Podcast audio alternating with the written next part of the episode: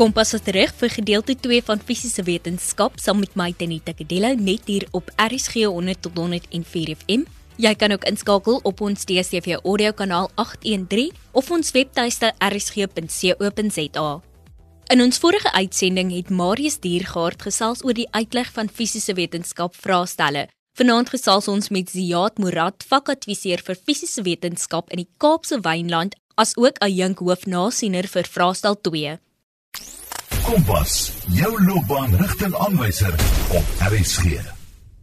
Ziad, ons gesels vanaand met leerders wat daarna mik om 'n A-simbool in fisiese wetenskap te behaal, maar ook leerders wat weens omstandighede geweldig sukkel met die vak en hoop dat hulle goed genoeg sal presteer om ten minste die vak te slaag. Is daar enige wenke wat jy eerstens aan ons sterker kandidaate kan gee ten opsigte van hulle voorbereiding?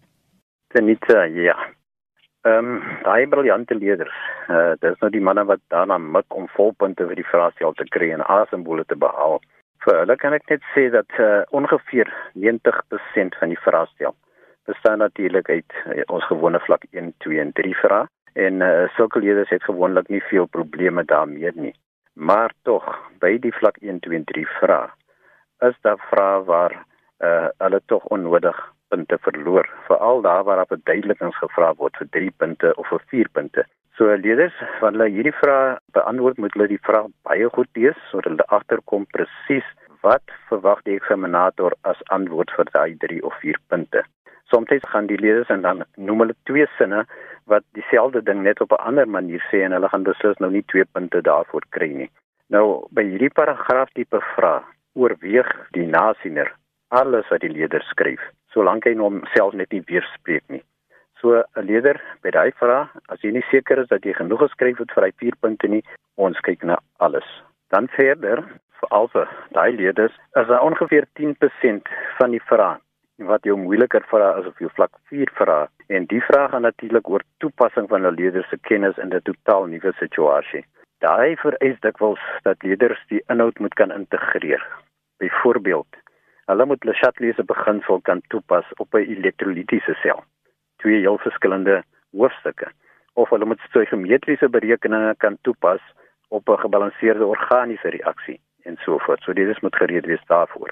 By veral fotoelektriese effek as ook by interne weerstand word soms vereis dat leerders die vergelyking van 'n reguitlyn grafiek moet manipuleer om die jalling of die y en x afsnitte van die grafiek te bereken. So dit kan nogal 'n moeilike vraag wees en uh die oplossing van gelyktydige vergelykings word ook dikwels vereis veral by Newton se wette, by projektielbeweging, by Doppler effek en so voort.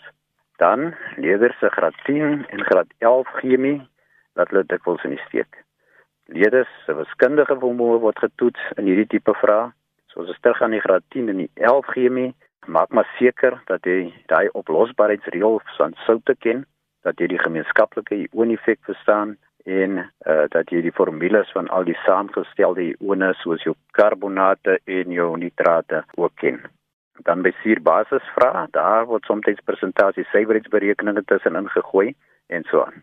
So uh, dit is 'n basis onmoontlik om te voorspel watter vrae geteken gaan word vir hierdie vlak 4 vraag, maar steeds die beste voorbereiding vir so 'n leerder is werk daai ou vraestel uit en dan gaan jy 'n goeie idee kry van hoe die vraag gevra word. Ziat en watter wenke kan jy gee aan kandidate wat bietjie sukkel met die hoër orde vrae ten opsigte van hulle voorbereiding? Ja, Talita, uh, daai tipe leerder moet maar doodseker maak dat hy die makliker goed ken. Maar nou hierdie wenke geld nou nie net vir hulle, dit geld in elk geval vir alle leerders. So ek wil net eerstens hê moet leerders besef, by fisiese wetenskappe is daar geen keuse vir aan nie, anders as by sommige ander vakke. So jy moet al die vrae beantwoord. So verder weet ons elke vraag begin met die makliker vrae, die vlak 1 vraag. Daai vrae is jou basiese roep van kennis en jy kan dit absoluut gaan leer. Dis nou goed soos definisies en wette wat kinders moet leer. Leerders moet seker maak dat as hulle hierdie definisies en wette uh, neerskryf dat hulle dit reg bewoord en ook natuurlik verstaan waaroor dit gaan.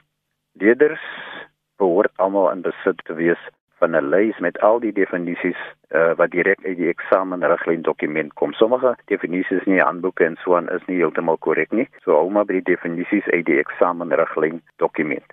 Dis absoluut belangrik dat leerders genoeg tyd toelaat om al hulle werk te dek. Onthou, die makliker punte kom aan die begin van elke vraag voor.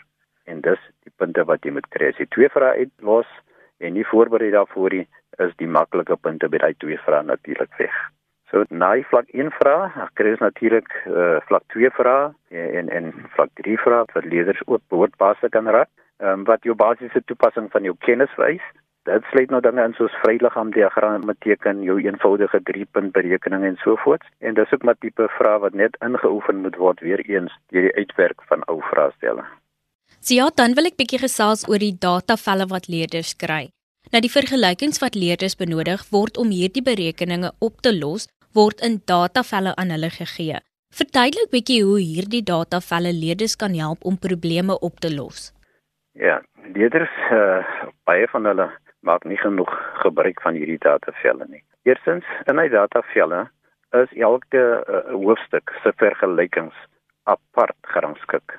So dit maak dit reeds makliker vir leerders. Maar daarbey besef met leerders besef dat jy soms 'n vergelyking vanuit 'n ander onderwerp benodig om 'n probleem op te los. Byvoorbeeld Newton se tweede wet uh, gaan nie onderkragte kry, maar jy maak keer dit om probleme oor momentum op te los. Jy maak keer dit om probleme oor werkenergie op te los. Uh dis noodsaaklik dat leerders weet waarvoor elke simbool in 'n vergelyking staan. Ek dink byvoorbeeld aan die vergelyking by momentum F delta T is gelyk aan delta P. As 'n vraag gevra word oor impuls, en die leerder weet nie dat F delta T beteken impuls nie. Die vergelyking gaan hom niks help nie. So ja, weet waarvoor elke simbool staan. Hy moet natuurlik ook elkeen se eenheid ken en ook weet om die eenhede te herlei. Hoe lê mikrokolom na kolom? Hoe ver lê ek kubieke sentimeter na kubieke desimeter en so voort. So ja, so onder al hierdie inligting en en vooraf kennis beteken nie data vir hulle eintlik ook niks vir jou nie. So leerders moet ook seker maak, uh as ek net bietjie kan afwyk van die dataveld dat hulle weet hoe hulle sakrekenaars korrek te gebruik. Uh ek vat byvoorbeeld chemie via berekeninge wat iets nuut is vir leerders. Hy moet weet hoe gaan ek te werk op 'n rekenaar om via probleme op te los. Byvoorbeeld as die PA gegee word, moet die hele storie nou omgedraai word en uh om die konsentrasie van die H3O+ te verkry, moet die leerder dan indruk op sy rekenaar 10 tot die mag minus die PA uh so ja. Indien leerders onseker is oor hoe om die onderwerp van die formule te verander aan hulle berekeninge, moet hulle liewers eers die waarde substitueer voordat hulle probeer om die vergelykings te manipuleer of om te draai. Want as hulle daar fout maak, dan gee ons geen verdere punte vir substitusie nie. Leerders moet ook seker maak dat hulle bewus is van al die konstantes wat in die datavel gegee word. Leerders sukkel byvoorbeeld met probleme oor fotoelektriese effek want veral daar is 'n hele klomp konstantes wat hulle vergeet van. Kyk ons werk by fotoelektriese effek, werk ons met lig en hy kan dus daai vergelyking wat sê V is gelyk aan F mal lambda of spoed is gelyk aan frekwensie mal golflengte, daar kan hy vir V gaan vervang met die spoed van lig wat as 'n konstante gegee word. So die simbool vir spoed van lig is eintlik C, maar daai waarde gaan in die plek van V in daai vergelyking. Terselfdertyd werk ons ook hier met fotoelektriese effek met die vrystelling van elektrone. En dan sien hulle daar's 'n vergelyking wat sê EK is gelyk aan 'n halwe mv kwadraat. Daai massa daar is die massa van 'n elektron en dit is 'n konstante wat in die tabel gegee word. Natuurlik die derde konstante daar is Planck se konstante H wat ook in die tabel. So daar's drie waardes reeds wat leerders het voordat hy begin met enige berekening oor Planck se konstante en uh, as hy dit nie weet nie dan sê hy het te min inligting gekry om die probleem op te los. Goed, uh, uh, hoe kan die data vir jou verder help? As ons kinders wat sukkel om hy definisies te leer. Jou definisie kom direk uit wette uit, uit vergelykings uit. So as jy die vergelyking het en jy leer dit saam met jou wet, dan maak dit vir jou baie makliker om daai definisies in die in die kop te kry.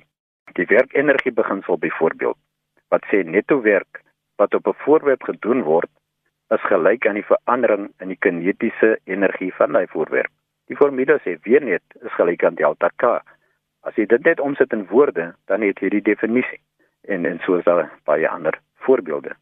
uh nog 'n manier waar hulle datavel kan gebruik. Kom ons sê die vraag sê gee 'n uh, uh, alternatiewe eenheid vir die Newton en hy gaan dan na sy datavel en kyk daar krag word gemeet in Newton. Daar's 'n vergelyking wat sê F net is gelyk aan MA, dan sien jy maar M is mos in kilogram, maar uh, en A is in meter per sekonde. En daarom is die ander eenheid vir Newton is kilogram meter per sekonde. Sie ja, dit beklemtoon werklik waar hoe belangrik datavelle is en dat wanneer jy jou datavelle korrek lees, jy ook antwoorde daaruit kan kry. Ons kyk nou verder na hoe leerders die datavelle wat in vraestel 2 gegee word tot hul voordeel kan gebruik. Jy luister na Kompas op RSG. Sie ja, soortgelyk aan vraestel 1 word by vraestel 2 ook datavelle verskaf. Hoe kan leerders hierdie inligting tot hulle voordeel gebruik? Talita, ek sal vra dat voordat ek of terwyl ek gesels hier oor as 'n as 'n leerdeslang daai redox tabelle kan nader trek. Dit wat ek kry in sy vraestel 2 as 'n datavel, gaan dit help so bietjie later wanneer ek daaroor wil gesels. Maar kom ek begin gou eers en dan gesels ek eers oor die periodieke tabel wat hulle kry in eksamen. Nou, hierdie tabel is natuurlik weer eens van geen waarde indien die leerder nie weet hoe om dit te gebruik nie. So, eerstens, die tabel gee vir ons simbole as daar staan NA moet die leerder daarom weet dis natrium. So van graad 8 af begin ons hulle leer ken die name van die eerste 20 elemente. Maar verder is daar ook 'n blok elemente in die middel van daai tabel wat bekend staan as die oorgangselemente en daar moet hulle ook seker van hulle ken. Onderwysers sal vir hom sê die 4 of 5 wat hy moet ken. Hulle moet in staat wees om daai tabel ook te gebruik om die ionlading van elemente af te lei vanaf die groepnommer waarin hy lê. So byvoorbeeld natrium lê in groep 1. As hy 'n ion vorm, dan gaan hy 'n lading kry van +1. Die metale kry positiewe lading, so hulle word katione. Die nie-metale wat aan die regterkant van die tabel lê, kry negatiewe tekens. En uh ja, nog 'n voorbeeld, as ons kloor vat, hy's 'n nie-metaal, hy lê in groep 7. Ons trek af 8 minus 7 trek altyd af van 8. 8 minus 7 is 1 omdat hy aniones lading is minus 1. So sonder die ionlading gaan hulle redelik sukkel vir alles wat kom by uh, by redox reaksies. Weereens by daai oorgangselemente, die blok daar in die middel van die tabel.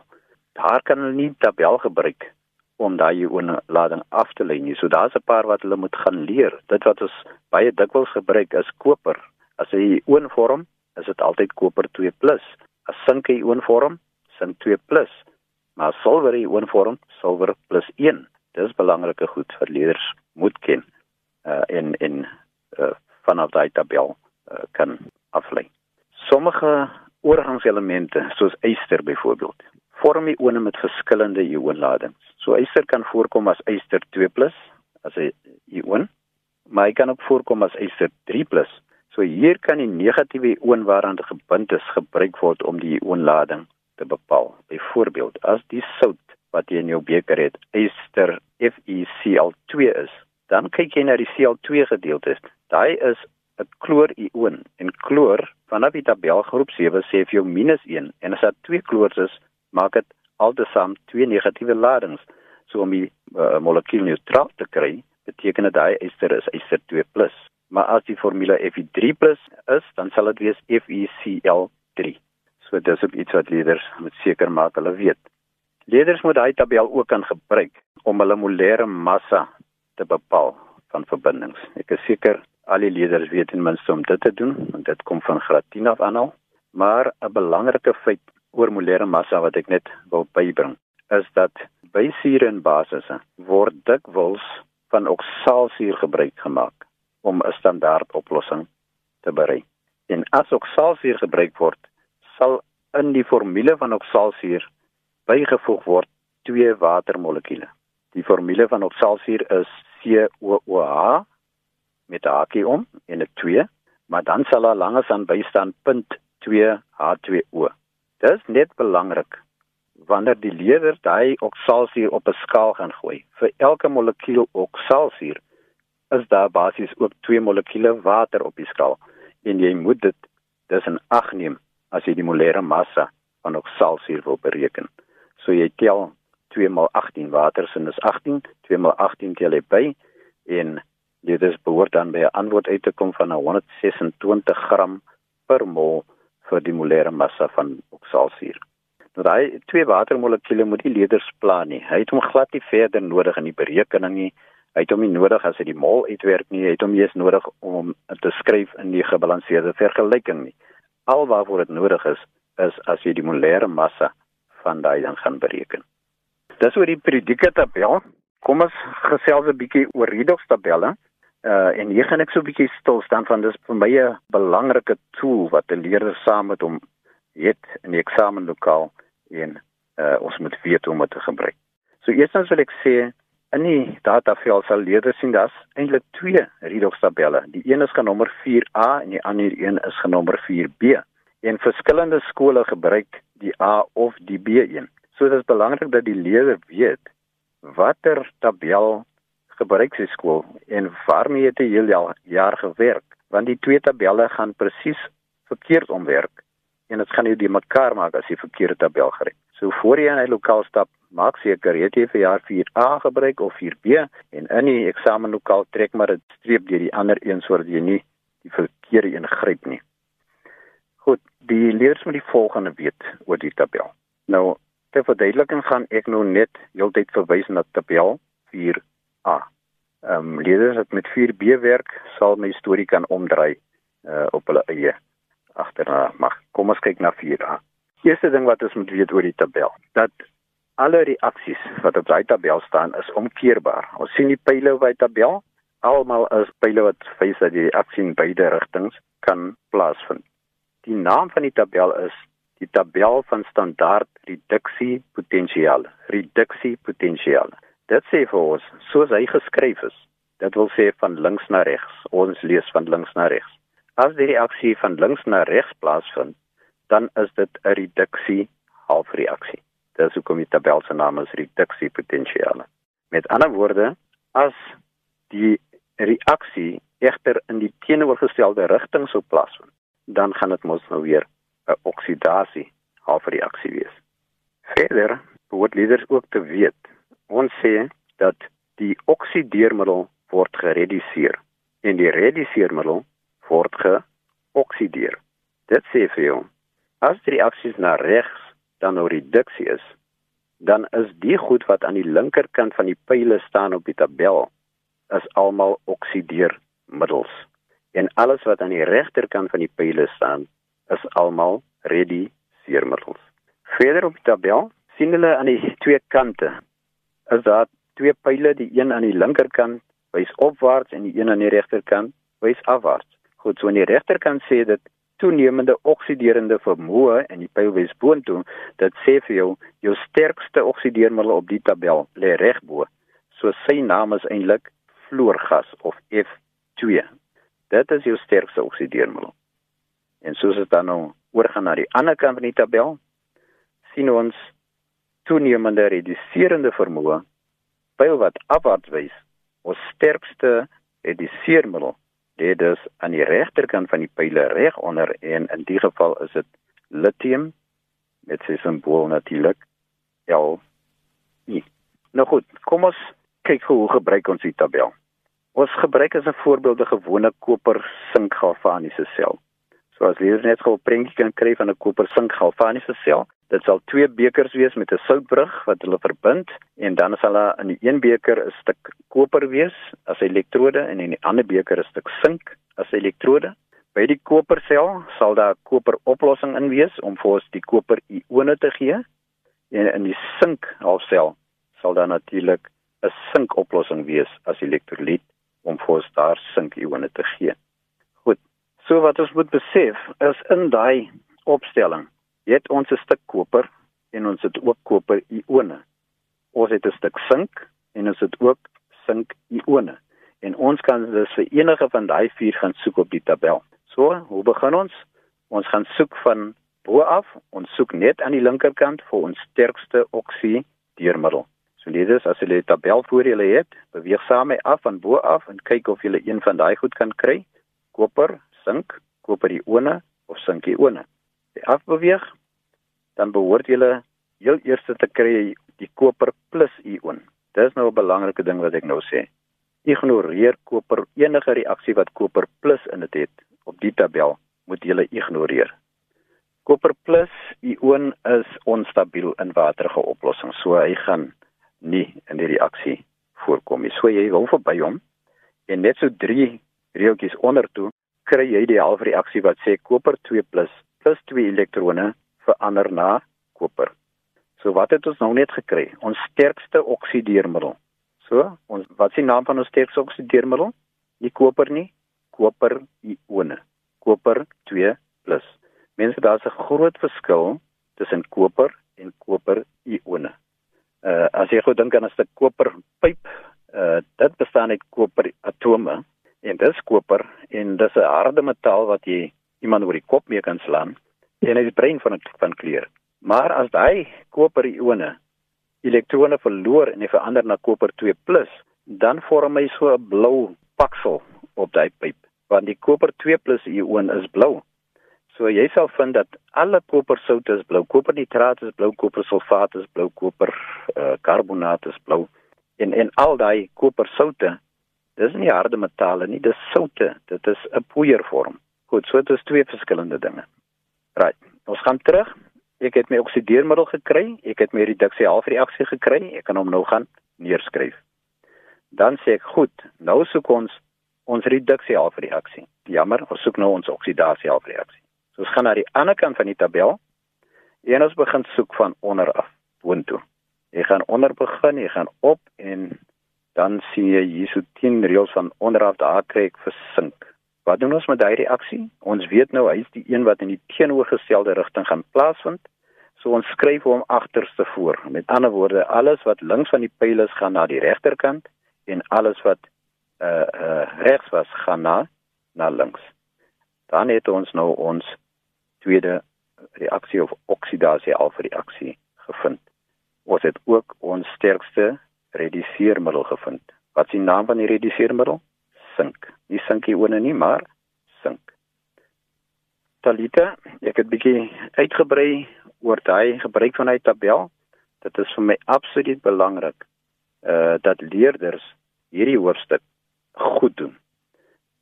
In my jare ondervinding as 'n uh, nasiener, vind ek baie keer dat leerders kry in hierdie vrae, onthou daar's twee vrae. Dit gaan een wees oor voltaïese sel of 'n galvaniese sel en die ander vraag gaan wees oor 'n elektrolitiese sel. Altesaam maak dit omtrent 25 na 30 punte van hy vraestel uit. En leerders kry of naby volpunte of volpunte of leerders kry 0 of naby aan 0. Want as jy die ding verkeerd om verstaan, dan gaan jy alle antwoorde verkeerd omgee. So vir my is belangrik dat leerders hierdie tabel hulle self goed uitsorteer en seker maak dat hy punte kan kry by daai twee vrae. Jy sien die die redox reaksies is ook een van die laaste hoofstukke wat gedoen word in die jaar. En dit word gewoonlik hier vlak voor die September eksamen gedoen. Somstyds omdat ons syllabus so gelei is, uh moet onderwysers daai hoofstuk so bietjie afjaag. Dit gebeur by sommige skole selfs dat daai hoofstuk eers gedoen word na die September eksamen. En dan voel leerders net nee wat ons verstaan nie lekker wat hier aangaan nie. Kom ons los net die twee vrae uit. Ek uh, uh vind baie dat leerders poog nie is om daai vrae te beantwoord nie. Ons moet asseblief sorg dat ons alle hoofstukke dek. Anders gee ons onsself nie daai kans om 'n maklike vlak 1 en vlak 2 vrae twastier te te kan behaal nie. Dankie Siaat vir die ongelooflike wenke. Ek dink al ons graad 12 is nou slaggereed vir fisiese wetenskap. Dankie aan ons luisteraars dat julle ingeskakel het. Onthou indien jy enige navrae of terugvoer van vanaand se program het, kan jy SMS na 45889 teen R1.50 stuur of 'n e-pos na kedeloutz@slbc.co.za. Jy kan natuurlik ook die WKOD se webtuiste by wcedeportal.co.za besoek waar daar talle studiehulpbronne en materiaal beskikbaar is. En as jy nog hulp kort met Afrikaans, kan jy ook afrikaans.com se webtuiste besoek. Die eindeksamen is uiteindelik hier en een van die beste maniere om te studeer is nog steeds deur behulp van hersiening. Gaan loer gerus op afrikaans.com se leerhulp afdeling vir 'n lys vraestelle oor Afrikaans eerste addisionele taal en Afrikaans huistaal en spring sommer dadelik weg. Om die vraestelle af te laai, gaan na afrikaans.com, klik op die leerhulp en kies vraestelle onder die leerblokkie. Daar is ook nuttige studiewenke wat jy by artikels op die algemene blokkie op die ladingsblad kan kry. Voorspoed matrikulante, 2020 was 'n vreemde jaar vol unieke uitdagings, maar die einde is letterlik in sig. Lekker leer. En dit bring ons dan aan die einde van vanaand se program. Kompas word aan jou gebring in samewerking met SABC Opvoedkunde en Percy Mogale was ons regisseur. Ek groet vir eers tot môre aand van my Tenita Kadello. Totsiens.